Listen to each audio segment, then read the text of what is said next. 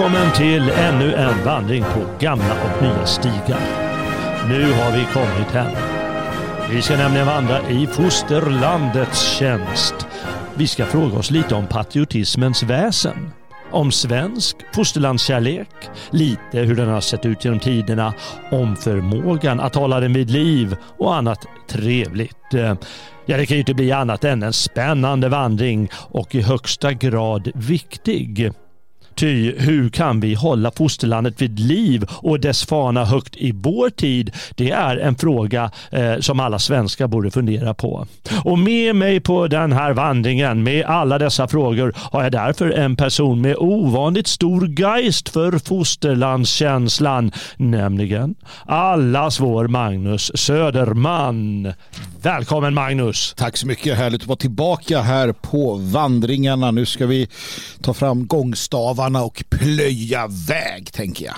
Ja, det måste vi göra. Ja, jag hoppas att det är snöigt så man känner sig som här, Gustav Vasa eller ja, någonting och tränger fram för att hitta fosterlandsgnistan. Precis, precis. Han, han, gick ju bet om den först. Ja, det, det, var, det var ju sådana tider. Vi går ju lite bet om den ibland också kan ju kännas i, ja. i dessa tider. Så att vi, vi kommer nog kunna se och göra en del äh, jämförelser då och nu med ja. hjälp, benägen hjälp av kloka gubbar.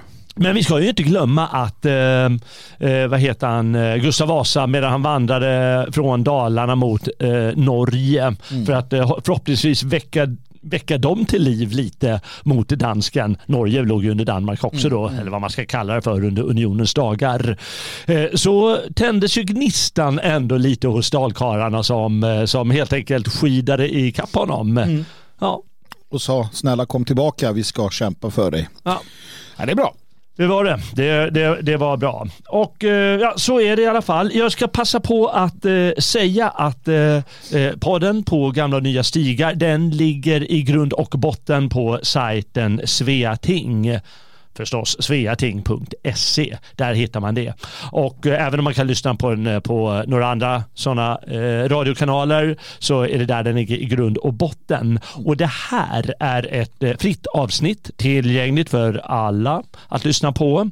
Eh, nästa däremot är för betalande prenumeranter. Det vill säga då förstår man att varannat program är för betalande prenumeranter, varannat fritt. Eh, så om du inte vill missa något, spring in, lämna dagens vandring och spring in på, eh, på, på sveating.se och eh, lös en prenumeration där. Och dagens avsnitt det skulle egentligen handla om ett gammalt stort kärt ämne, nämligen tåget över bält. Mm.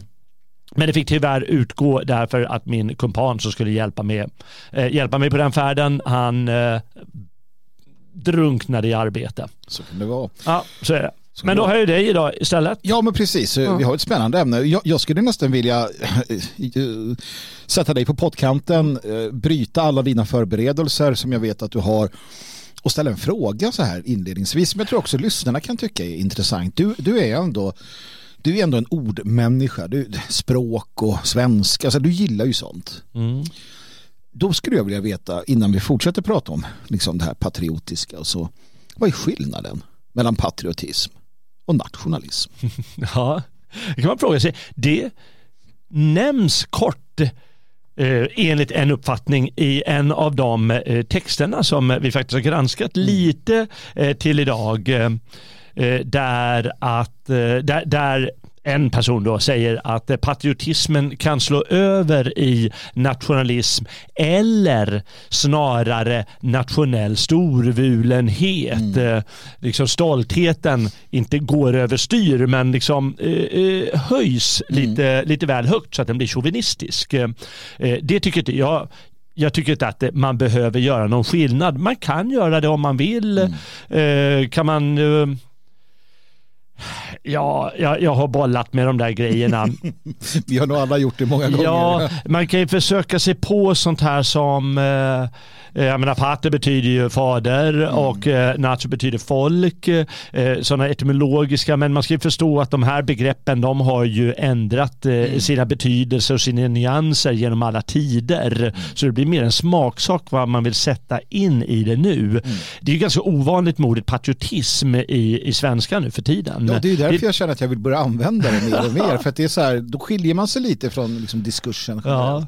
Nu är nationalismen, eh, man skulle kunna se den mer som en ideologi och patriotismen som en känsla. Mm. Och det är lite så det lanseras eh, nu för tiden. Mm. Eh, kanske inte en ren ideologi men en med liksom ideologisk klang mer. Medan patriotismen då skulle vara mer, eh, känsl, mer, mer, mer en form av, av känsla inom var och en. Mm. Men allt det där är ju små, små smaksaker tycker jag. Mm. Har du själv någon, som, någon liksom vana hur du använder orden?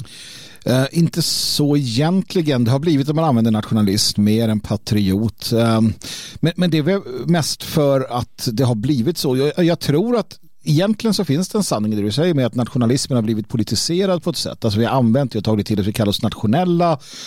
Uh, liksom den, alltså vi nationalister. Men någonstans så tycker jag ändå alltid tyckt att patriot det ligger bättre i munnen. Det, det, som du säger då, alltså landsman betydelsen och liksom det här uh, pater och nej men jag vet inte. Uh, land, jag gillar ju landsman, det är så här landsmän, du vet st- stambonden, liksom det här. Mm. Men nej, jag har inte Nej, jag har inte tänkt på det på det sättet ändå. Eller? Mm. Jag, jag tycker väl att det är dags att återuppliva eh, det gamla ordet fosterlandskärleken. Mm. Det är lite långt och eh, otympligt nästan, men eh, det, jag, tycker att, jag tycker att det är, det är rätt vackert. Det är absolut vackert. Eh, och, och det finns ju, nu ska vi inte springa iväg på det, men det finns ju eh, liksom en, en massa att säga om just fosterlandskärleken och kärleken till det, det som har varit eh, som kanske inte ens har varit utan myten och så vidare. Det, det tas upp lite här senare i en av artiklarna vi ska prata om här om just mm. den här myten. Uh, I det fallet Olaus Rudbeck mm. som skriver liksom en, en, myt om, om Sverige och svenskarna mm. och det där. Um, och människor de facto tog ju det som sanning i många fall. Ja, ja. Ja. Jo, det, det, sägs att Atlantikan och Bibeln var de två böcker som låg hemma hos bildade svenska på den tiden. och det, det är lite spännande för där finns det ju en, en hel mytologisering som är... Ja, ja det, det, är verkligen det är viktigt med mytologisering. Det, jag menar, det är bara att tänka på Gustav Vasa, hur ja. mycket mytologi det ligger där. Och eh, till och med när de, de senaste åren har det blivit väldigt populärt och, och eh, fra, lägga fram honom som lite av en tyrann och ligger ju lite i det. Mm. Men det blir ju också en myt Absolut. på sätt och vis. För jag menar, det, man kan ju säga att vad skulle han annars vara i så fall på den tiden? Det är klart han måste vara en sorts tyrann mm. lite grann. De hade ju inte äh, atensk demokrati Nej. I, i Sverige 15, på 1520 och 30-talet. Och, och, nu vet vi också, bara då innan, innan vi går vidare här, mm. så vet vi att till exempel svensk socialdemokrati idag försöker ju att um, skapa en myt om att de alltid varit emot massinvandring. Ja. Om de vinner så kommer det bli sanning. Och jag tror att det är viktigt att förstå att ja. sanningen är mer vilka som vinner och berättar historien än sanningen. För sanningen finns inte på det sättet. Så, här, uh, så fort tiden har gått så skulle de vinna och klara av detta då kommer vi läsa i 200 år i historieböckerna Socialdemokraterna. De var alltid emot massinvandring. ja, men det är ju det är spännande där. De har ju tappat eh, en del av sin gamla mytologi. Om jag får säga en sak innan vi eh, mm. går vidare eller går in på. Gör det. Ja. Um, och det är ju um, på 1800, vad kan det varit, 40-talet eller något sånt, då kom ju Engelbrektskrönikan ut i, jag vet inte om det var liksom i mer nusvensk, eller den tidens svenska språk förnyat och blev ju en jäkla hit. Och folk tog åt sig, oj folkhjälten mm. Engelbrekt. Och det har gått i olika vågor och sist var det då Nej, inte sist utan näst sist. Då var det faktiskt sossarna som använde Engelbrekt som symbol och som myt. Mm. Nämligen folkets man som förenar folket, i det här fallet arbeta hantverkarna, mm. eh, mot eh, en form av dålig överhet. Eh, och I det här fallet råkade det vara danskar och, ja. och fogdar eh, och så vidare. Men den myten har de använt väldigt kraftigt och det är en mytologisering givetvis som ja. de har ägnat sig åt. Och sen har de tappat den myten. Den har ju tagits upp av den nationella rörelsen mm. som, har, som säger något an, lite annorlunda om Engelbrekt givetvis. Ja, men, men, det, men, men det ingår i konceptet att mytologisera. Absolut, och patriotism ingår ju också. Jag menar om du tittar på hur patriotismen används historiskt sett Eh, Socialdemokraternas eh, första majtåg under Per Albin, det var svenska fanor och det var röda fanor ja. sida vid sida. Mycket patriotism, mycket Sverige. Mm. Eh, det stora fosterländska kriget som Stalin har, det är patriotism ute i, du vet det är så mycket patriotism, man håller på att sprängas. Ja, ja. Um, så att den internationella socialismen har ju alltid varit mm. inte alltid, men den, den har ju en, en, ett stort anslag av patriotism. Nordkorea idag med sin Jusche det är ju patriotiskt och nationalistiskt så att det bara mm. dammar om det. Ja, och även inom liksom de europeiska länderna, till och med Tyskland, ja. ska man fatta att det har ju alltid varit jättemycket patriotism. Mm. Det varit, räcker med lite tysk stolthet eh, över tysk kvalitet. Mm. Ja, vad är det om inte patriotism? Precis, det, är så, det är inte svårare än så. Nej. Så den, den dör ju aldrig så länge det finns en gnista i folket i alla fall. Mm. Och det kan ju hända att den dör ut. Det kommer nämnas, det nämns kanske på ett par ställen i eh, de personer som vi ska prata om lite mm. idag. Eh, två väldigt det är nästan ingen som har hört talas om dem eh, i, vanliga fall. Eh, och eh, den ena personen han heter Gustav von Schantz. Han var bara en helt vanlig statstjänsteman på sin tid som hade lite eh, litterärt och historiskt intresse och skrev eh, lite om det. Och han skrev 1809 en, en artikel, så här, det trodde en den delades bara ut i flygbladsform. Det var ju vanligt på den tiden. Mm. Det kan man tänka på liksom, som nationella har gjort det och som sossarna gjorde i början av seklet. Man gav ut i flygbladsform bara. Ja. Det är inget konstigt med det. Nej. Eh, den heter Tankar om fosterlandskärleken med tillämpning på Sveriges närvarande ställning. Och närvarande är förstås 1809. Mm. Eh, och det var ju ett krisår efter eh, rysk, finsk, finsk-ryska kriget eller mm. rysk-finska kriget eller vad det kan heta. Då vi förlorade den riksdelen. Och förstås eh, vad heter det, statskuppen mm. mot eh, Gustav IV Adolf eh, Precis. då man satte in eh, Karl XIII istället mm. som sedan sedermera adopterade Karl Johan eller Karl Bernadotte, vad heter den förnamn? Jean Bernadotte. Jean Bernadotte. Ja. och allt vad det innebär. Så det var ju ett riktigt krisår ska man säga. Och det är inte konstigt då kanske att folk skriver sådana artiklar och, och böcker och försöker komma till insikt om patriotismens mm. mm. idéer idéer och föreställningar under just kriser. Ja, och eh, den andra artikeln, eh, eh, nej ska jag säga först också att den här artikeln ingår i en bok som är väldigt spännande som heter Svenska krusbär. Mm. Och det är en antologi med svenska eh, fosterländska texter kan man säga från 1400-talet fram till ja, avslutas med Per T. Olsson i Sydsvenskan. Kunde du väl valt något bättre. Ja, men. Ja, men nu blev det så. Ja. Alltså det är en fet bok med många mm. spännande och intressanta texter. Ehm, eh, och den andra är hämtad då från en tidskrift som heter Samlaren. Eh, och Eh, den är av Edvard Terminius heter han, också ett okänt namn, någon lektor eller docent. Eh, eh, jag vet inte om han var ecklesiastikminister, jag skrev ut det förut men jag glömde det när vi gick in här. Ja. Ah, det, är ingen, det är ingen som någon har hört talas om helt enkelt. Men det var spännande texter och hans heter kort och gott Svensk patriotism. Den är skriven då 1940, ännu ett krisår när när det stora, eller andra stora europeiska kriget under 1900-talet dragits igång. Mm. Och då fanns det också, eh, givetvis, var det viktigt att fråga sig om den svenska patriotismen. Mm. Kommer den hålla måttet? Mm. Kommer det spela den en roll? Och så vidare. Och Precis. då lägger han ut eh, sina små idéer. Jag, jag tycker att det är intressant ändå för att um, någonting som blir väldigt tydligt är att det här, alltså fosterlandskärlek, patriotism och så, som, som liksom bringas på skam har gjort eh, tidvis också. Vi, mm. vi som växt upp nu har ju verkligen fått höra att det är fult. Eh, man, man pratar ju liksom nästan mer så här patriotism, nationalism. Mm. Um, och, och, och, den här von Schantz då, han går ju tillbaka till menar, han pratar grekerna, mm. han pratar liksom eh, han pratar Sparta. Det är ju länge sedan va? Så att jo. Eh, de här modernisterna och globalisterna som hatar nationalismen, mm. för det gör de ju mm. med ett rent hat. Mm. Eh, de har ju ändå, det är en grannlaga uppgift som de har mm. med tanke på de djupa rötter som nationalism eller eh, patriotismen de facto har hos människor, vilket definieras varför det är så. Och det, man, det jag får med mig när jag läser till exempel då Edward Termenius mm. är ju att det går ju inte att utrota det här med mindre än att utrota människor i princip. Mm, ja, det är lite så. Och det är intressant det du säger om globalisterna. Jag har inte tänkt riktigt så eh, förut. Eh, han nämner ju grekerna mm. och skälet till att han gör det är ju att de, eh,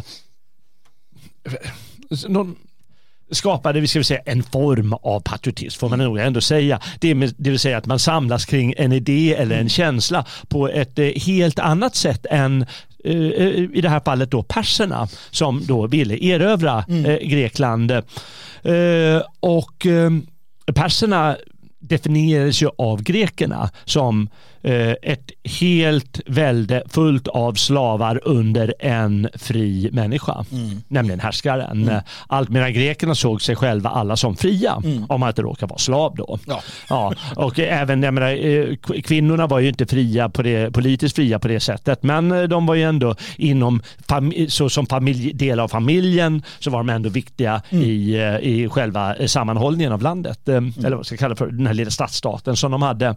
Och då blir ju naturligt naturligt eh, med, med de här fria människorna ja. Eh, som känner sig fria eh, att på något sätt definiera sig själva så som liksom någon form av patriotisk mening även om de kanske inte använder de begreppen. Och det är väl det han vill visa på att ett folk av medborgare mm. bildade liksom en enda familj, alla upplivade av en lika kärlek. Mm. Och det kan man ju knappast säga att undersåtarna i perserväldet gjorde. Mm, precis. Att, Nej, och där får du ju samma i den andra svenska patriotismen han talar om då.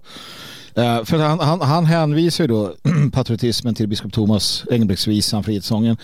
Uh, liksom att det är på Engelbrekts tid som det här fosterlandskärleken, patriotismen dyker upp. Och sånt där. Men sen säger han ju också att det är inte helt sant för att Eh, man har då haft, som han skriver, en känsla för och en kärlek till det lilla fäderneslandet. Mm. Och så kallar han det för landskapsstaten. Mm. Och det där tyckte jag, jag gillade det begreppet. Det är lite, tyskarna har ju sina eh, delstater och sådär, ja. bundesländer. Men just att man ser det på det sättet att det börjar ju i ätter eh, släkter och så större mm. och sen mm. blir landskapet och det, det är liksom socknen har du innan och sådär. Och att det är verkligen en sån Eh, att, det, att, att den här patriotismen någonstans den sträcks ut känner jag. Mm. Du är väldigt nära det närmaste. Men sen när riket bildas, visst du har den här känslan men den är inte, det finns alltid kanske en, en vad heter det? En, en sjunkande eller stigande skala av patriotisk känsla. Mm. Jo, eh, han, eh, undrar om det är han Tamini som, eh, som nämner det att eh, eh, bortsett då från den här landskapskänslan som finns eh, så nämner jag att eh, den religiösa känslan som kom med reformationen eh, den betyder mycket för en ny form av patriotism då som kom under stormaktstiden. Och det förstår man i det här fallet att tidigare kanske även då, så menar, en vanlig bonde, han hade ju hans tillvaro, det var ju till 99 procent knutet till byn där han ja. bodde. Det var ju inte så att eh, människor åkte därifrån. Men med den här nya religiösa, jag ska inte kalla det dogmatiken, men, men, men du vet där liksom, för kung och fosterland ja. började komma på ett, på ett nytt sätt då under stormaktstiden. Eh, och eh, vet du, bönderna såsom indelta soldater blev knutna till hela statsväldet mm. på, ett, eh, på ett mycket grund, mer grundläggande sätt samtidigt som prästerna hela tiden matade på med de här budskapen om kung och fosterland så spelar ju religionen en, en roll där och knyter dig bortom byn givetvis. Eller som den indelta soldaten att ja, men han får ett annat perspektiv nu. Han får en annan uppgift mm. än bara eh, byuppgiften. Mm. Nej, men precis, och, och så är det ju. Och jag tänker också för att det är ju en tid av liksom, det är krig och oro och liknande. Um, för att han tar ju också upp det här att eh, och han säger det att och på sätt och vis är det att den, den, den som har gjort mest för svensk eh, patriotism mm. är den danska fogden eh, Jösse Eriksson. Va? Var han dansk eller var han tysk eller var han svensk? Jag vet inte. Ja, det måste vara en, eh, en dans då. Ja, Jösse mm. Eriksson, fogden som plågade svenskarna. Mm. Uh, och det han menar med det är ju då att när, alltså, när den egna existensen är hotad mm. så blir det väldigt enkelt och väldigt tydligt vem som är vän och vem som är fiende. Och patriotismen ökar ju naturligtvis i den typen av eh, orostider och blir liksom För sen kommer ju allt det här med dalkar, dalkarlarna, upproren och det kommer Vasa vad det lider och så vidare. Um, och, och, det är ju för att vi har en gemensam fiende. Alltså riket har någonstans en fiende. Mm. Uh, och då, då, måste man också titta bortom sin egen åker. För att om grannens åker hamnar i fogdens händer, mm. och då är min snart där. Och så blir det liksom den här känslan och patriotismen växer. Så att jag tror han har rätt i att, att Jösse Eriksson då eh, och dansken eh, gjorde mer för svensk patriotism än många andra. Ja, han kallar det någonstans där en, en negativ eh, en, en, en, under ett århundrade strider för svensk frihet och självbestämningsrätt vidmakthölls och befästes patriotismen till icke ringa del på negativ väg. Och det är ju förstås en negativ väg att den inte formas utifrån den egna kraften utan motståndet mot någon som mm. försöker eh, trycka ner den Precis. och eh, ja, ta, ta ifrån en den här patriotiska känslan och möjligheter och friheten just eh, mm. som den liksom på något sätt baserar sig på.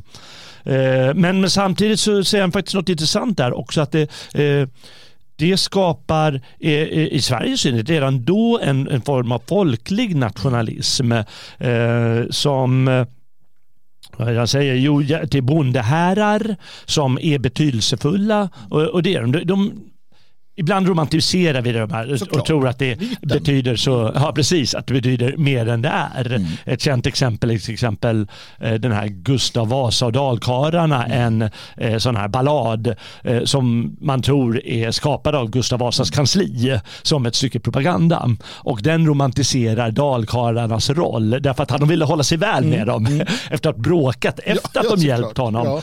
Och det står ju då att ja, men de kämpade ner dansken i Stockholm Stockholms stad men deras medverkan var egentligen ett jävla fiasko just i den delen mm. av stridigheterna. Eh, det, det, hade varit bättre om de knappt hade varit på plats mm. utan det var ju tyska eh, legoknektar som visste hur man slåss eh, i det fallet. Eh, Säger vissa ja, jag tänker ju att det var nog dalkarlarna i alla fall. Precis. Det är, det, det är myten. Ja. Men, men då har det i alla fall skapat den här folkliga nationalismen i Sverige. Eh, dels då de här bondeherrarna eh, och nu eh, ska vi se om det inte var något mer. Ja, det är väl framför allt det då. Men jag tänker, vi har ju också, för att Sverige är ju, alltså, vi hade aldrig, vi fick aldrig den här eh, feudalismen på det sättet som vi har sett i, i, i Europa. Mm. Vi hade odalmännen, vi hade en mycket friare Alltså, svenska bönder och självägande, de såg sig själva, de hade ett, en heder i det, precis som de här gamla grekerna som såg sig själva som fria. Och så där. Det, det där har man, hållit, även under Vasa och andra så har vi hållit fast vid det. Bönderna mm. har varit liksom det. Och med det blir det då en folklighet här. För han tar ju också upp, och det här tycker jag är intressant, och det här har jag alltid, alltid tänkt och hållit med om. Den högsta överklassen eh, vore tämligen tvivelaktiga i sin patriotism. Mm. Och det här ser vi också genom tiden. Alltså, eh, det, det, det, Sverige har haft, när Sverige har varit som bäst, då har vi en kung som respekterar och eh, får eh, stöd av odalfolket så att han kan balansera adeln. Eh, för att adeln har alltid varit till stor del internationalister. För att de har ekonomiska intressen i detta. Inte alla och inte alltid. Men det är genomgående. Vilka svek Karl den XII? Adeln. Återigen. Eh, man kan se det här dyka upp eh, med jämna mellanrum. Och jag tycker det är kul bara att han tar upp just detta. Att mm. deras och vi, eh, samma sak idag, nu är inte adeln, men de nya, den nya mm. adeln, internationalistisk, mm. för sina ekonomiska intressen. Mm. Mm. Ja, det är intressant det där. Vi, vi, vi kommer, de bitarna kommer nog eh, falla på plats snart. Eh, mm. Om vi tittar på det där Gustaf von Schantz igen ja. så tycker han då att alltså det, det, det är rätt man, man, glömmer ibland vikten, han vill lämna vikten av eh, den här fosterlandskärleken. Att eh, Sverige, det har kunnat gå under tusen gånger, mm. säger han. Men genom ett underverk består det än idag och orsaken till det är givetvis fosterlandskärleken. Utan den så hade det gått under mm. landet eh, eller riket eller liksom vad man nu vill kalla det för under de här alltifrån Engelbrekt säger vi, lite tidigare eh, fram, till, eh, eh, fram till hans egen tid mm. eh, med, med den här eh, ryska invasionen av Finland bland annat. Eh, och han säger att liksom, den här känslan, patriotismen som du sa nu om adelsmännen och bönderna och så, alltså den, den har ju gått i vågor också. Ibland har det stått starkt och ibland har det stått, gått svagt och det är ju helt naturligt att det går så. Och den måste stärkas och underhållas mm. ibland. Och hur, hur, hur, gör man det egentligen? Eh, han säger att det ibland, och det händer ju även under de bästa dagarna, att den här fosterlandskärleken den har kanske gått till överdrift eller den har liksom nästan vilseletts kallande för. Mm. Du pratade i radion häromdagen om de stackars köpenickarna. Just det, just det. En, en, en, nu en stadsdel av Berlin, men på den tiden strax utanför Berlin. Mm.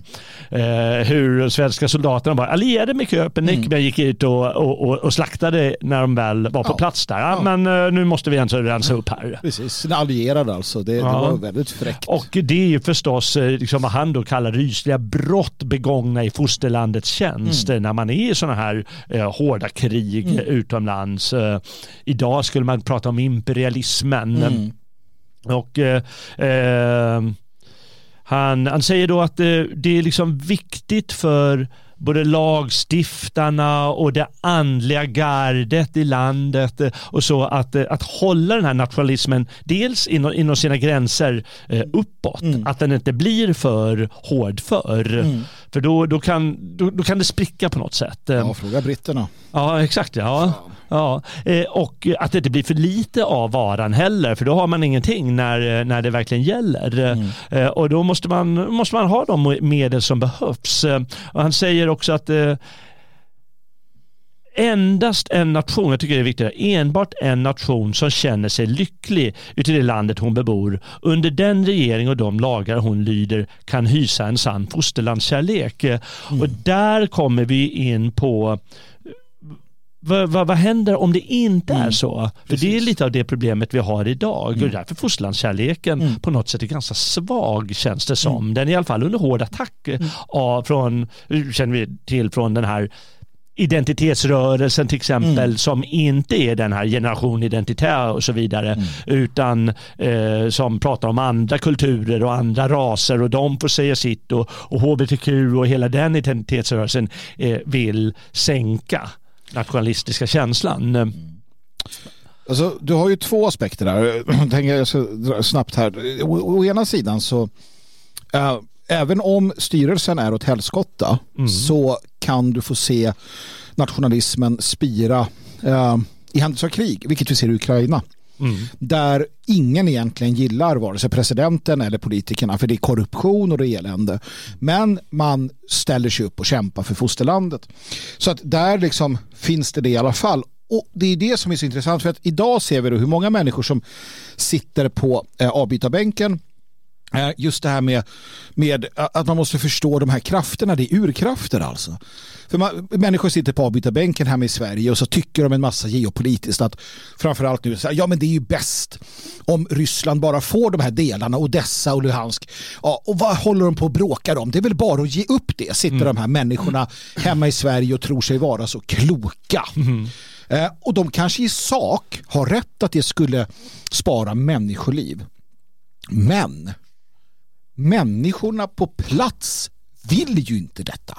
Nej. Alltså de, man vill inte ge upp sitt land, sin, sin hembygd, sin, det, det, det du sa det här om, om alltså platsen, den här sjön där du badade eh, första gången med din, din fru. Ska du ge bort den mm. till några jävla usurpanter som Just kommer. Det. Och det är ju det här. Så man kan sitta här hemma hur mycket som helst och säga mm. att de borde göra sig och så. Skulle de här människorna vara beredda att ge upp saker, i sådana fall så är de ju avskum. För det är bara avskum som ger upp sitt land, som ger upp de här platserna, som ger upp sjön där jag badade för första gången med min, min hustru. Det är, alltså det är väldigt viktigt du säger. För han, han säger här eh, vad kan försvaga den här eh, känslan och eh, då med den här känslan, förmågan och rådigheten hos de styrande och de tyckande. Mm. Att, eh, att helt enkelt göra och känna rätt och få, få den här känslan på plats. Jo, det är skilda intressen, oenighet, avund, misstroende. Tänk om ukrainarna var drabbade av det som du målar upp här. Mm ja då hade de ju förlorat det där på, på tänk om de sagt, ja men fan skit i den där sjön, ja. vi gör så med den. Precis, ja? ta den bara. Ta den bara, för då råder ju den här avund branden och splitten och så i Ukraina. Mm.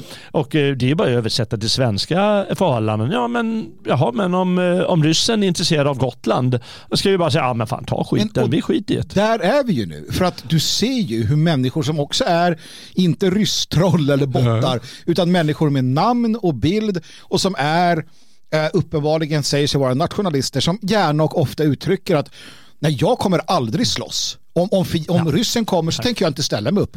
Jag tänker inte slåss för, för Kristersson.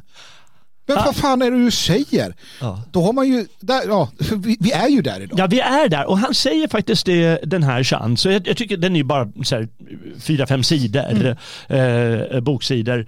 Och eh, han, får, han får en del riktigt sköna poänger. Här säger han till exempel, i den stund Eh, om du letar så ser jag inte vilken sida det är på här. det är näst sista sidan. Ja. Eh, I mitten. Mm. I den stund då icke en var medborgare livligt känner att han endast är till för fäderneslandet, att hans liv, hans död tillhör det att utan att det varken gives för honom ära eller sällhet, då väntom ej att finna hos nationen det mod som höjer henne över farorna och övervinner dem.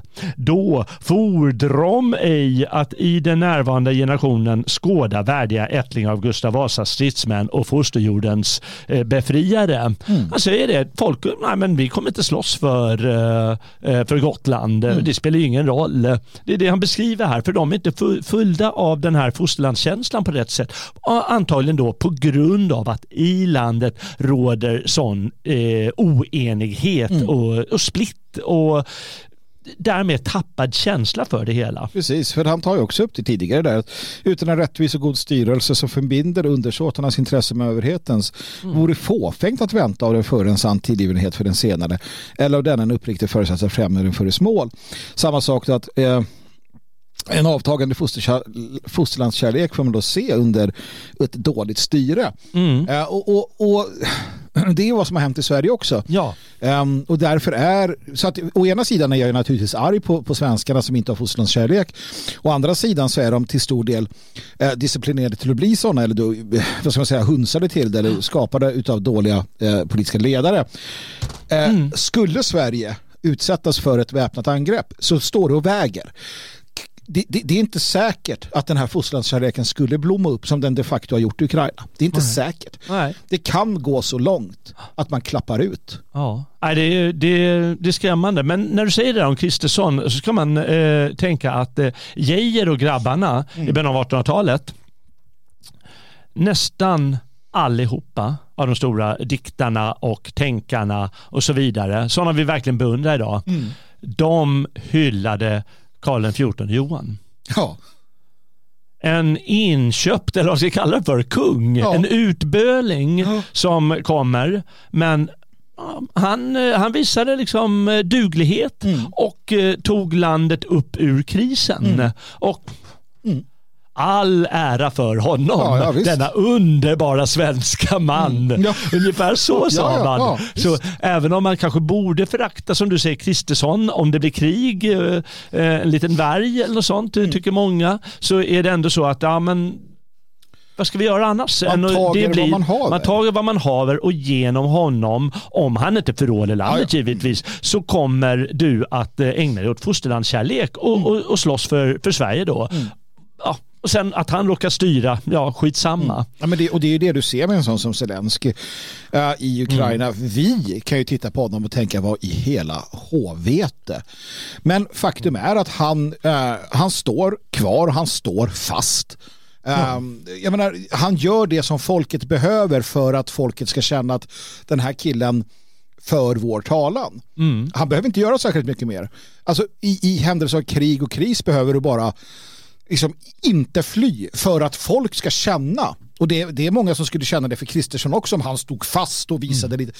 Man kan tycka nu att så här, det kommer jag aldrig göra. Men många skulle säga, ja men han klev fram när det krisade. Ja. Förstår man inte detta så tycker jag att man, man förstår inte särskilt mycket av hur mänsklig psykologi fungerar. Nej, det handlar ju det. Och det handlar om han säger också här, den här von Schantz på ett ställe, att eh, aldrig har eh, Aha. Stormarna rasat i, i Sverige häftigare än nu, mm. alltså 1809, med en statskris och eh, den här stora krisen att förlora Finland. Ja.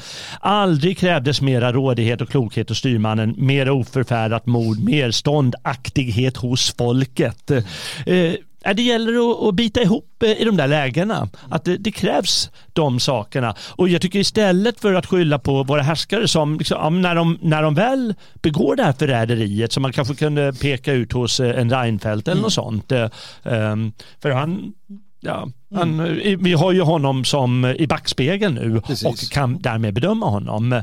Eh, att där de härskarna brister när de inte bryr sig om folkets känslor. Mm. Vi har ju väldigt många då i Sverige som de struntar i alla sådana här, eh, vet du, inte folkomröstningar men eh, folk, eh, vad kallas det för, opinionsundersökningar. Ja, som, ja. Ja, vi vill inte ha mer invandring och vi tycker att det ska finna, vara, liksom, få lite nationell yra och så. Det är mm. inget fel med det. Och så struntar man det och vill trycka ner det ändå. Det är ju någon sorts eh, usurpatoriska krafter och de kan man kämpa mot. Mm. Uh, men när, när landet uh, riskerar inte sin undergång, men liksom ett hot, då måste man liksom bara ja, man får kliva fram med känslan. Mm. Men där har du en, en, det är en intressant diskussion som, som kanske sällan förs. Jag har varit med och gör det, framförallt med katoliker har jag fört den diskussionen, för att de var ju var, många av dem, inte alla såklart, men de jag pratat med var varmare anhängare av Stauffenberg och grabbarna som försökte eh, mm. eh, mörda Hitler. Mm. Uh, och uh, med, med, då, med då själva idén om att om vi mördar Hitler så kommer vi kunna liksom ta makten och så kommer det bli bättre. Men då finns det ju en väldigt stor del av människor som säger att du kan inte under brinnande krig göra en sån sak. Hur liksom illa du än tycker om eh, diktatorn eller ledaren eller regeringen men om de för kriget för att försvara fosterlandet och folket så kan du inte kasta in en nation och och, och, och liksom bryta ner moralen på det sättet eh, då måste du finna dig i att det är som det är och, och liksom för fosterlandet och folket eh, så lägger det inte uppenbara förräderier som sker. Alltså hade, om ledaren börjar sälja ut folket till fienden, ja då ska han bort. Mm. Men så länge han för kampen för nationen, för folket, så, så kan du inte. För att, att, att, att, att det sker kan leda till sådana fruktansvärda konsekvenser. Mm. Um, så att det är en intressant diskussion just i det du säger. Det, det är det och jag är nog villig att uh, vara, vara lite, lite hårdare än du mot uh, härskarna. Att man kan ju tycka, ja, men om man för en destruktiv uh, politik eller liksom en besinningslös krigspolitik eller mm. något sånt som man inte behärskar, då, då kan man nog också tänka att mm, han kan avsättas och så. och sen vet, vet jag inte riktigt var, var Tyskland låg då. Mm. Det var lite på gränsen 44 att man skulle, skulle göra den analysen Mm.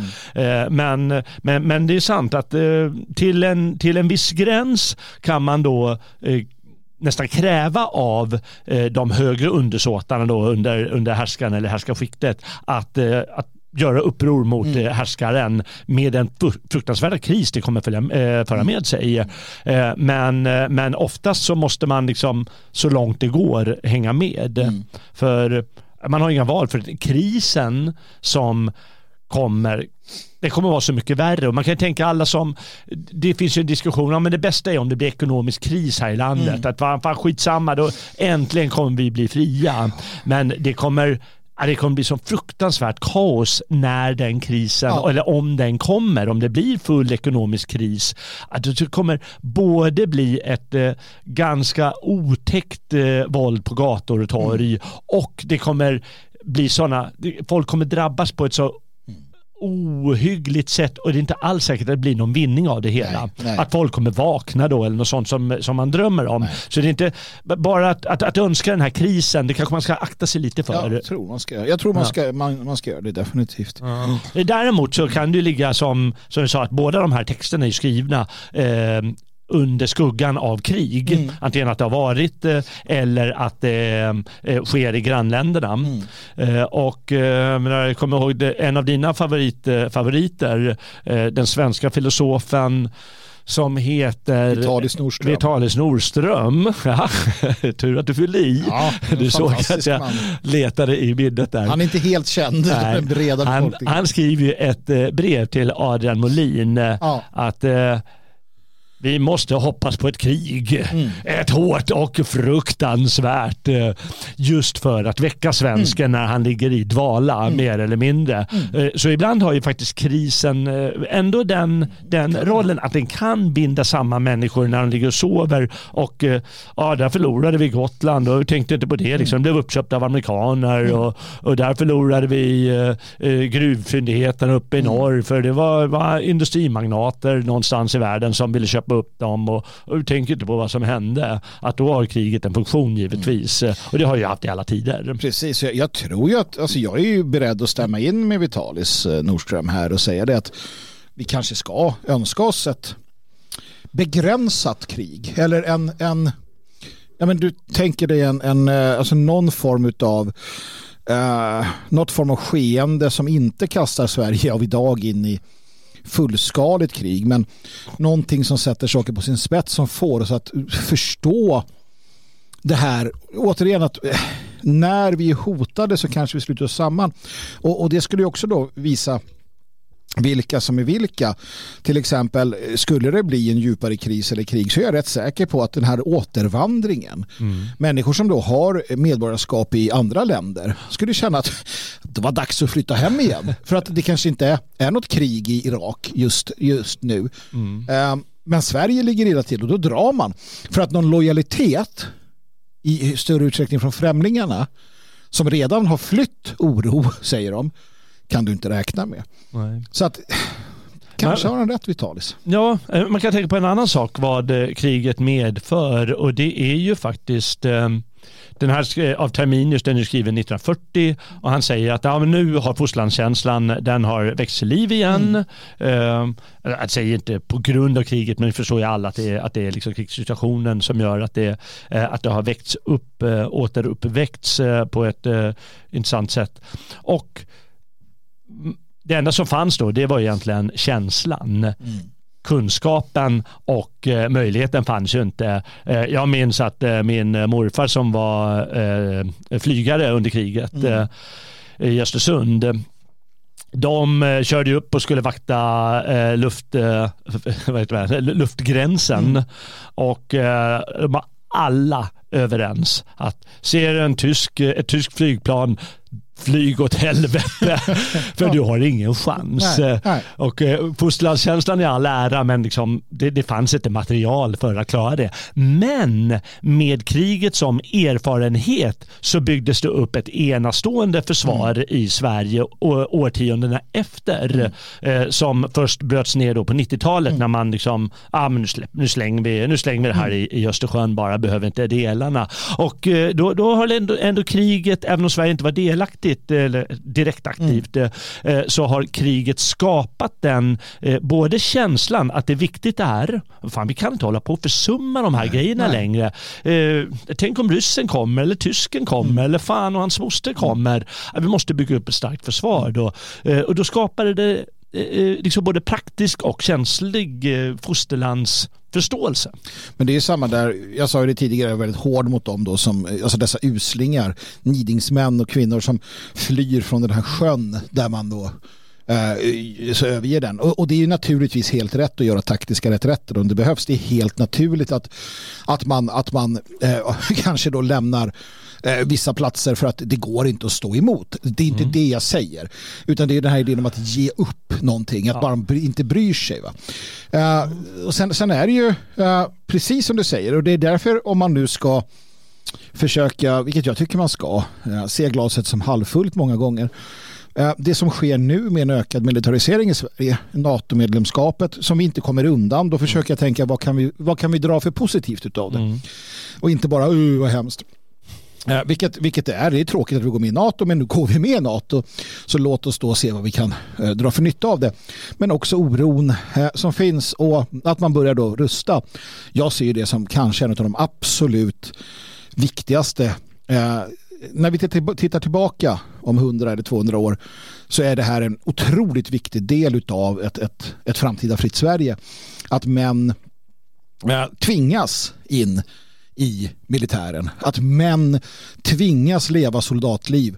Äh, även om de får en, en ideologisk uppfostran om NATO så kommer de också få om fosterlandet. Alltså att mm. Sverige är fortfarande den flaggan de har på armen mm. eh, och så vidare. Och så vidare. Ja. Eh, det vi har haft nu i 20 år har ju visat sig katastrofalt med de människorna som inte gjorde försvars, alltså som inte gjorde militärtjänsten. Mm. Vad blev det av dem? alltså, det är ju bara att titta på det. Man kan tycka vad man vill om vår föräldrageneration, mm. min föräldrageneration som gjorde lumpen. Men det var, det var ett annat virke. Ja, det, det, det, var väl bara eh, en självklarhet som fanns där och nu finns det istället ifrågasättande. Ja. Och det, det är väldigt farligt när det ifrågasätts. Eh, när Terminus, han tar ju upp tre former av fosterlandskärleken. Mm. Eh, innan vill jag bara säga, jag tycker det är väldigt intressant är att han säger att under 1800-talet då såg fosterlandskänslan mm, ja, i Sverige och det har man alltid tyckt att det gör ju tvärtom. Liksom, ja. Eh, punschpatriotismen men de menar att det fanns en kritik mot den här mm. patriotismen eh, som just kallade den för punschpatriotism och den vaknade ju eh, i högsta grad 1914 givetvis med mm. krisen som kommer då man inser att fan vi har ju inte vi, vi, vi, har ju inte ens en skorv att sätta Nej. mot om det kommer en eh, om det kommer ett främmande fregatt eller något sånt. Mm. Vi rökta direkt och upptäckte man igen 1939 givetvis mm. samma sak. Och då, då menar han att ja, men då har det väckts, återuppväckts mm. det som går och det där går i vågor. Men han, han nämner alltså tre saker som är grundläggande för fosterlandskänslan här uppe i Norden. Mm. Åtminstone sedan början av 1800-talet. Eh, som är väldigt intressant. Jag tycker att vi kan, vi kan spekulera i mm. hur, hur viktiga de är. Mm. Och det ena är naturkänslan. Mm. Uh, och det säger han att ja, men det syns i, i alla de nordiska nationalsångerna mm. redan. Att det är vissa fjällhöga nord och, och, och tusen sjöar och, och liksom, liksom en sorts naturnära mm. känsla man har. Och även då en estetisk förståelse av uh, hur, jag menar, hur vi vill måla och hur vi vill att våra hus ska se mm. ut och så vidare. Att, eh, ja, det är en särskild sorts eh, patriotism som finns, eh, väldigt grundläggande basic. Ja, jag, jag vågar hävda att det är den som kanske aldrig har brutits. Det, det känns som att det är en, för den är också väldigt anständig. Mm. Att säga att jag gillar att vara, ja det är nu på senare tid så från USA har det ju kommit eh, från universiteten så här att, att viljan att vara i naturen är det, det är, det är fascistoid att vilja vara i naturen. Mm. Uh, men det är alltså uh, nu så här. Uh, men generellt sett så att om du säger så här, men jag älskar att vara upp och fjällvandra så är det så här, ja men det är fint. Mm. ingen kan liksom säga att men det, är inte, det är inte bra.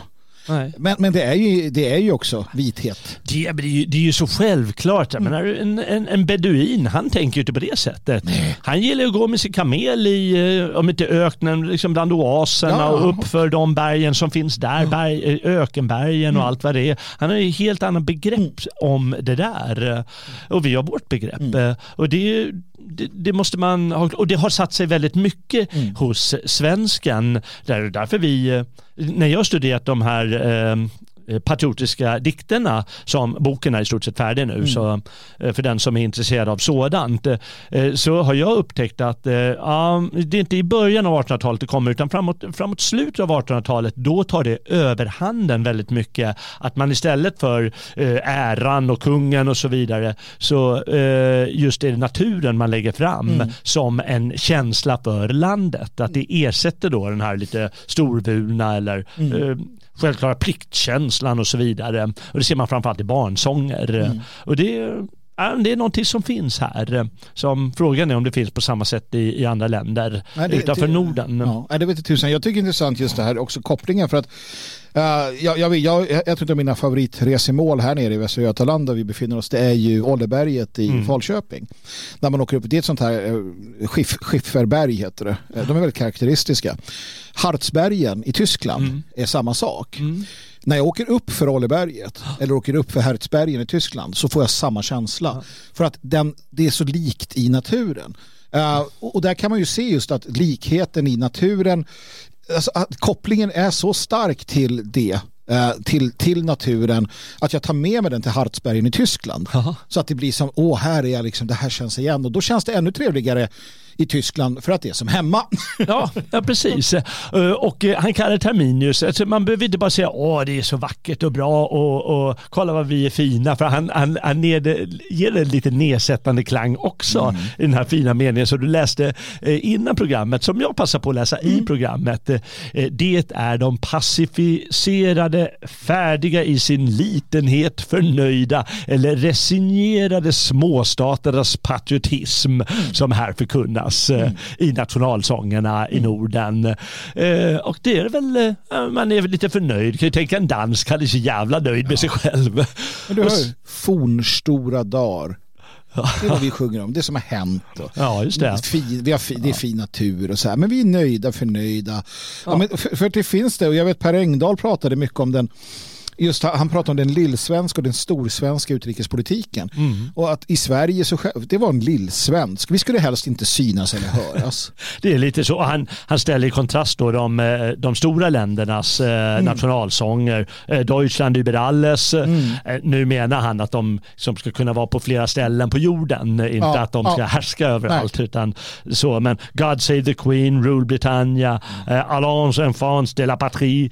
Eh, handlar om krigiska bragder säger han. Ära och makt och, och sådana saker.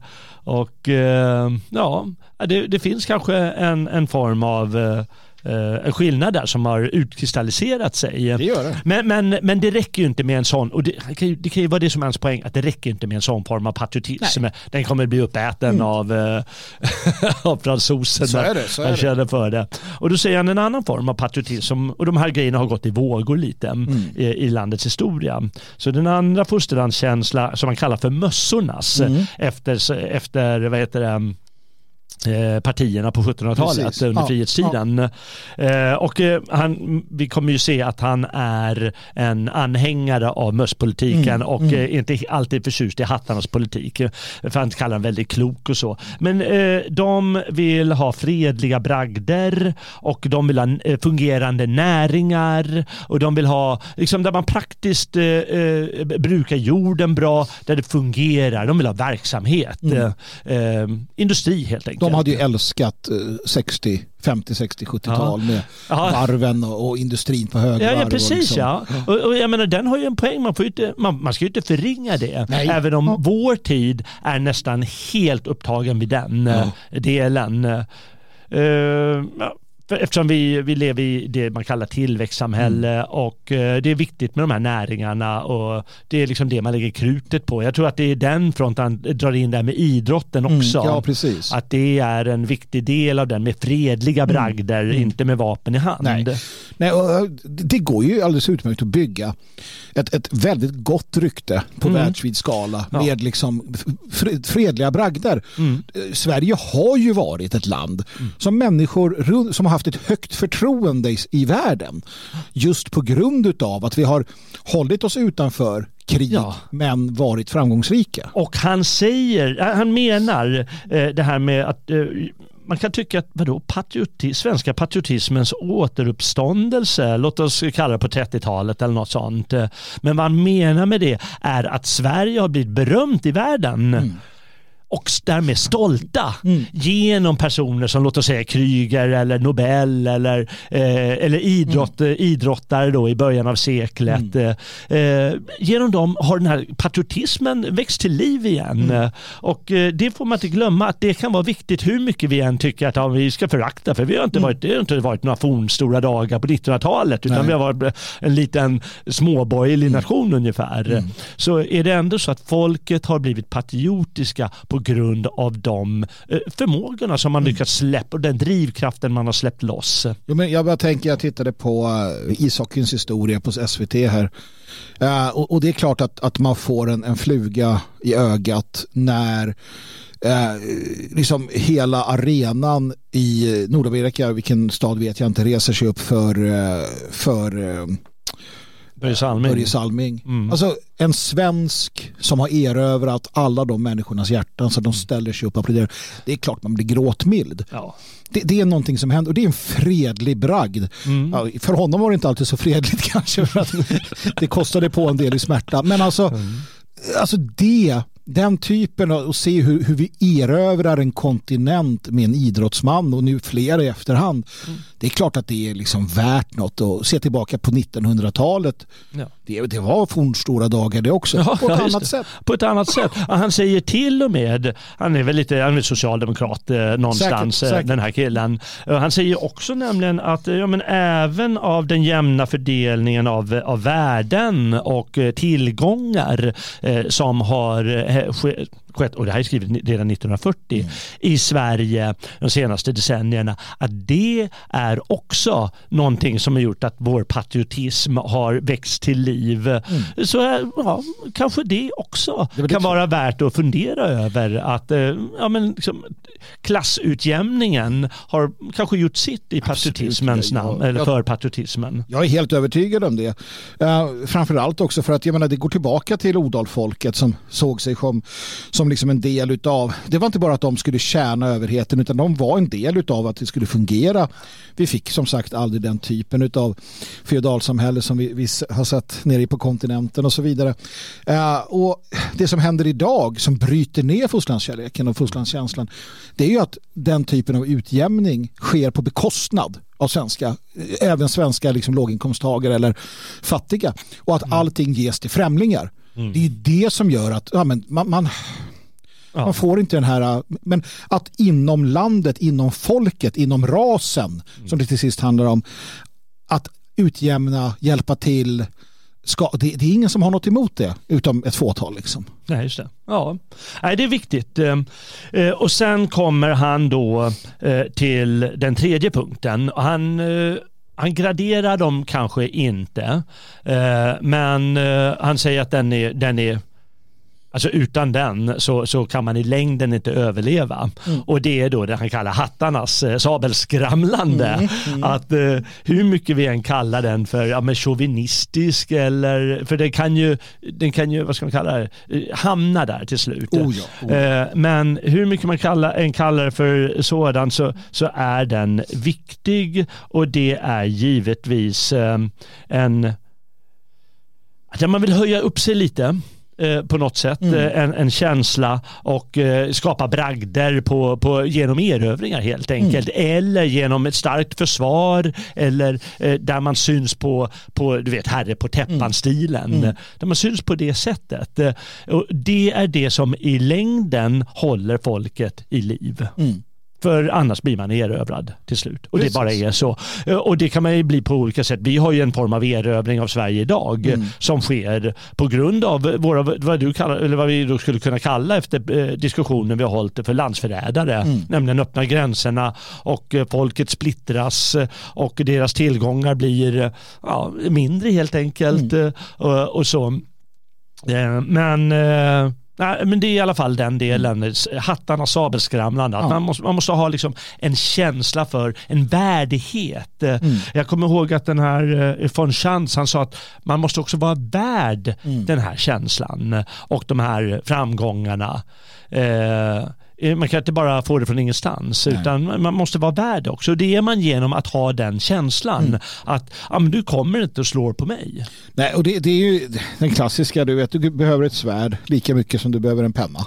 Mm. De står inte, och jag, du har, det finns med här i, han, han har en dikt här från, från eh, Bernard Elis Malmström mm. tillägnad Södermanlands nation i Uppsala. Han säger så här, den, den går, den börjar så här. Känner du landet, det härliga, rika, badat av Mälar och Östersjövåg. Hemmet för skördar och minnen till lika fredliga bragder och vikingatåg. Mm. Du kan inte ha de fredliga bragderna i förlängningen om du inte är ute och plundrar, rövar och dödar. Eh, eller, eller att alla vet att du har förmågan att fullständigt stampa ut dem från jordens yta om du muckar med dem. Mm. Det, det, är där du landar. Du kan kosta på dig att vara eh, jovalisk och fredlig och eh, jag menar på alla sätt och vis älskvärd. Mm. Men om du inte kan slå en människa på käften som försöker göra dig illa så kan du aldrig jovalisera honom till att vara snäll mot dig. Nej. Nej. Du måste ha det. Ja. Så, att, så, så, är det ju faktiskt. Ja, men det är så. Det är, han, han, säger, och det är liksom en väldigt viktig fråga att ställa sig i, i vår tid. Är inte patriotismen av denna på samma gång traditionsbundna och aktiva typ löjlig och farlig för en småstat? Ja, är den det?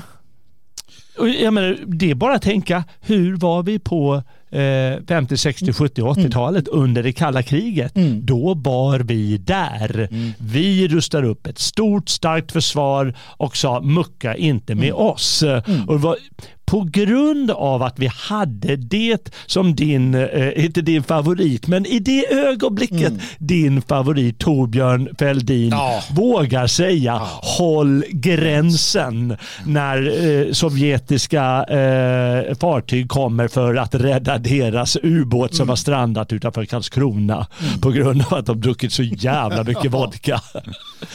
och det vågar han säga ja. och han skulle aldrig kunna göra om det inte fanns vapenskrammel där Nej. i bakgrunden. Nej. Nej, så är det ju. Och jag menar, det är, natur, det är en naturlag just att du kan kosta på dig en massa saker om du kan uh, freda dig. Saken är den att man tror ju, uh, jag tror att de flesta idag är överens om att det starka försvar och den de facto försvarsvilja vi hade, för det var en bred försvarsvilja, mm. den gjorde, det, det, är inte så att den avstyr en invasion, mm. men det, det, man, man visste från främmande makt i det här fallet Ryssland, mm. att det kommer kosta något djävulskt. Ja. Alltså ja. det kommer kosta jättemycket. Ja. Så att det är bättre att, som man gjorde, hade vänskapsrelationer och fick oss att göra lite som de ville i alla fall i många fall. Mm. Mm. Um, så att, nej, det, det, det, kan, alltså, det beror också på så här, om man, om man som om man skulle arrangera så här stora pampiga militärmarscher genom Stockholm och så visa upp sig. Det skulle aldrig funka, vi är inte sådana, eh, tror jag. Och det skulle kanske se lite löjligt ut eh, i vissa fall.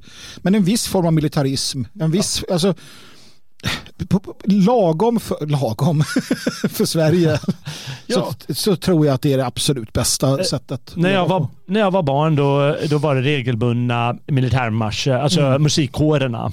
Ja. Det, var inte, ja. det var de som eh, alltså, visade upp sig. Ja. Och eh, då kanske är den här lagom mycket, ja. för de ändå gick i uniform och paraderade genom stadens gator mm. och eh, spelade mm. med jämna mellanrum. Precis. Och då har du i alla fall eh, att du håller det vid liv, att det inte dör ut. Nej. Jag, och nu... Ja, för jag tror inte att så här, sex timmars marsch där alla vapenslag visas upp eh, två gånger om året i Stockholm. Jag tror inte att det är något som svenskar generellt sett hade tyckt var särskilt. Nej, men jag hoppas att de kan tycka det. Ja. Jag tycker nog att det är rätt häftigt det där. Eh. Jo, ja, ja, vi är ju, jag tror att vi tillhör kanske en skara som skulle tycka det. Men generellt, jag tror att de hellre vill se Ingmar Stenmark vinna Ja, just det. Ja, Faktiskt, det är sant, då stannar Sverige. Jag vet inte om det skulle stanna. Men, men, men vad som är viktigt med den här eh, tredje eh, delen i Terminius eh, ögon om patriotismen, eh, det är ju att eh, när han sammanfattar lite så har vi då, han kallar den eh, naturlyriska mm. som vi nämnde, att eh, man är nära naturen och gillar det eh, och ge, framställer det i dikt och så när mm. man ska eh, visa på patriotisk känsla kanske. Och han kallar den andra delen för den praktiska. Och det är den som håller på med näringarna mm. och till och med Ingmar Stenmark är praktisk. Precis. Och sen kallar han den sista för den historiska och etiska mm. patriotismen. Och det är viktigt att tänka att det är den som är etisk mm. Eh, i slutändan. Mm. Vi vill idag sätta den här praktiska det är den liberala världen Precis. och den socialistiska världen. Ja. De vill sätta, där är den stora etiken. Mm. Men Terminus, som ändå verkar vara sosse, Precis. han säger att den stora etiken den finns i vapenskramlet. Ja. Eller i känslan av att ja, men utan vapenskrammel då kommer släkten att dö. Då mm. kommer våra släkten att dö. Mm. Ja. Mm. Och eh, det, det, får man, det får man nog inte glömma. Nej, jag tycker att Terminus ger oss, han ger oss lite grann en, en, eh, han pekar ut en riktning för svensk nationalism 2020-tal. Mm. Vad ska vi tänka på? Vad ska vi fokusera på? Um, vad ska vi ta, ta till oss? Och det är absolut det här som kommer nästan naturligt, det naturromantiska. Mm. Så den har vi där. Och det är också en stolthet för Asea Brown Boveri. Det är en stolthet för Ingmar Stenmark och Gunde Svan och Duplantis som du så vill. Uh, tveksamt där kanske var han kommer ifrån. Ja. Nej, men du förstår alltså den här typen av idrottsbragder. Men ja. det är ju naturligtvis också militarismen. Det är kängor och det är vapenskrammel för lejonet från Norden.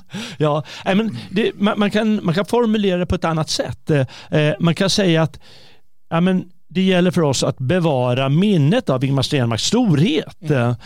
Och om andra krafter ska komma med sitt inflytande, då kommer de glömmas de där. Mm. Bragderna som fanns även inom praktiska mm. näringarna, mm. de kommer inte bli något värda. Därför att vi var för svaga i vår nationella känsla, i vår patriotiska anda. Mm. Och därför är det viktigt eh, med eh, den här lite storvulna mm. tanken att eh, fan, det här är vår ikon mucka inte, mucka, om, du, om du har pissat på honom, då pissar på hela folket. Det ska du ha klart för, sig, för dig. Ja, men jag kan ju säga, det är ju så här, ja, uh, Spotify tycker man ju har pajat hur man lyssnar på musik. Jag, jag, jag tycker ju det. Mm, mm. Jag tycker man ska lyssna på, på liksom LP och så. Mm. Uh, det, det, är det bästa. Uh, och att man, man lyssnar på musik så.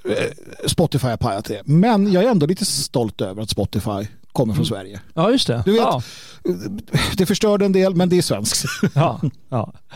Eh, och sen så tycker jag det är rätt rätt intressant han säger på slutet här och om jag förstår honom rätt så tycker han väl att det, de här tre är grundläggande men sen så lägger han till liksom, eller, liksom att de för samman kanske, det är det jag vill säga, säger han på slutet. Eh, istället framträder med naturnödvändighet det mest ursprungliga av fosterlandskänslans motiv. Tvånget av sammanslutning till gemensamt skydd. Och det är kanske är det som är grundläggande i den tredje då. Men detta är ändå inte det främsta Ja, just det, dit, dit han vill komma. Vad är det främsta då? Tyngd, halt och skärpa får ett kulturfolks livsvilja först då fosterlandskärlekens alla fina trådar tvinnas samman. Då patriotismen blir enhetlig men likväl domineras av den på en gång instinktiva och klart fattade, på samma gång spontana och pliktmedvetna kärleken till fäderneslandet. Det land då citerar han en Heidenstam-dikt, eh, tror jag det är. Där våra barn en gång får bo och våra fäder sova under kyrkohällen. Det vill säga den grundläggande respekten och insikten om förfäderna och därmed om oss i, det nu, i, i nuet, och jag i nuet mm. och de framtida mm. barnen. Att vi alla bär samma öde då har du, då har du fått, eh, då har du liksom tvinnat ihop mm. de här trådarna. Eh, både prakti den praktiska näringen och den här lite mer storvulna känslan eh, och naturkänslan. Mm. Nej, och, och, som sagt, det förutsätter ju naturligtvis i, i allt väsentligt en, en homogen nation för att kunna göra det. Och det är väl det som har tillkommit på senare tid. Något som de här människorna aldrig kan, jag tror inte ens de hade kunnat tänka sig att miljoner främlingar från helt andra religiösa, kulturella och liknande så här, skulle komma in i Europa, i Sverige 20, de hade aldrig kunnat tänka sig detta. Mm. För att för dem är det bara de, varför säger de inte att det ska vara homogent? Ja men det är självklart. Ja. Alltså det, den, så att det är ju det vi kan lägga till att faktum är att det, det, vi kan inte ha detta i ett mångkulturellt samhälle. Den mångkultur och massinvandring och, och det bryter samman det på ett liksom, sätt som, som är, är eh, omöjligt att förlika med detta. Ja, Nej, man, man måste ju dra den slutsatsen när du säger liksom, vem, är förfär vem är förfäderna? Mm. Ja, det är ju faktiskt inte eh, någon från Turkmenistan eller, eller, från eh, eh Zaire eller eh, vad det nu kan vara. Nej. En eller annan gäst från Zaire spelar ja. ingen roll i historia hela nej, men nej, det, det vi ser idag är omöjligt. Ja, ja. Ja, det är ju Terminus syn på saken och han verkar ha varit en sosse. Ja, nej men och, och EU, ja. Jag är ju jag är terminiusian. Du är det Jag tycker ja, att han har rätt i det mesta. Ja, nej men eh, det ska väl sägas att eh, jag tycker det var fascinerande när jag läste de här att eh, ja, liksom helt okända kommer med de här sköna insikterna mm. som det gäller att ta ställning till. Mm. Och det finns eh, väldigt mycket att ta ställning till eller fundera på så att man når insikt om, om i det här fallet patriotismens betydelse eller nationalismens betydelse eller fosterlandskänslans eller kärlekens betydelse, mm. vilket begrepp du nu vill använda. Mm. För den, den betyder ju något och jag vet ju att den betyder något för vanligt även den mest inbitne eh, eh, Umeå-veganen eh, som eh, helst läser någon form av quasi-obskyr halvkommunistisk skräpblaska. Mm. Till och med han tycker det är skönt när han, när han går in på en bar och det råkar vara en svensk där. Absolut. I, i, i eh, vad är det, Tokyo eller något ja, sånt. Absolut, och, och återigen så bara titta på det att de, de mest extrema av dessa i, i Sovjetryssland eh, gick alldeles utmärkt att hålla på med sitt liksom, internationalistiska fram tills det blev ett stort krig. Då var det det fosterländska. För att Stalin förstod att om jag inte purrar fosterlandskärleken så förlorar vi. Mm. Ja, så enkelt var det. Mm. Jaha, då får vi väl helt enkelt eh, tacka våra goda vänner eh, eh, Edvard Terminius och Gustav von Schantz. Mm. Har du något, något sista, sista, sista du vill säga här? Nej, men inte mer än att det, det är värt som du säger att titta på och fundera om begreppen nationalism, patriotism, vad är det? I dessa tider ännu viktigare eftersom att vi lever i de tider vi lever så blir det här väldigt viktigt. Och det här har man gjort i hundratals år och låt oss fortsätta i hundratals år framåt. Ja, det ska vi definitivt göra. Eh, tack Magnus för din medverkan tack, idag. Tack, tack. Det var trevligt.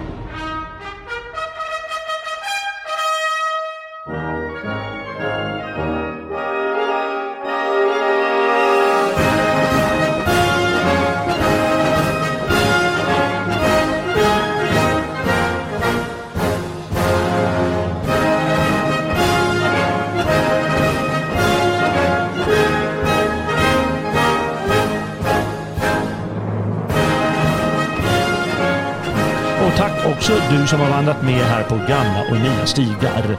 Eh, det här var som sagt ett eh, fritt avsnitt men nästa gång då är det bara prenumeranter på Sveating som har den äran att vandra med mig och Magnus eller vem som nu följer med längs våra slingrande svenska och europeiska stigar. Och dagens vandring, ja den skulle ju som vi sa egentligen besöka händelserna kring tåget över Bälte. Och eftersom det inte kom till stånd den här gången, ja då är det väl högst troligt att det blir ämnet för nästa vandring här på stigarna. Missa nu inte det vid alla tänkbara gudar. Och om du inte redan är prenumerant på Sveating, se till att bli det inom kort då om du vill ta del av nästa avsnitt som sagt och framtida vandringar här på gamla och nya stigar. Och om du vill lyssna på de ljudböcker som läggs ut på sidan med jämna mellanrum. Om två veckor då är vi tillbaka på stigarna med vandringsstaven i högsta hugg. Hoppas du hänger med då också. Tills dess, tills dess, väl mött frände.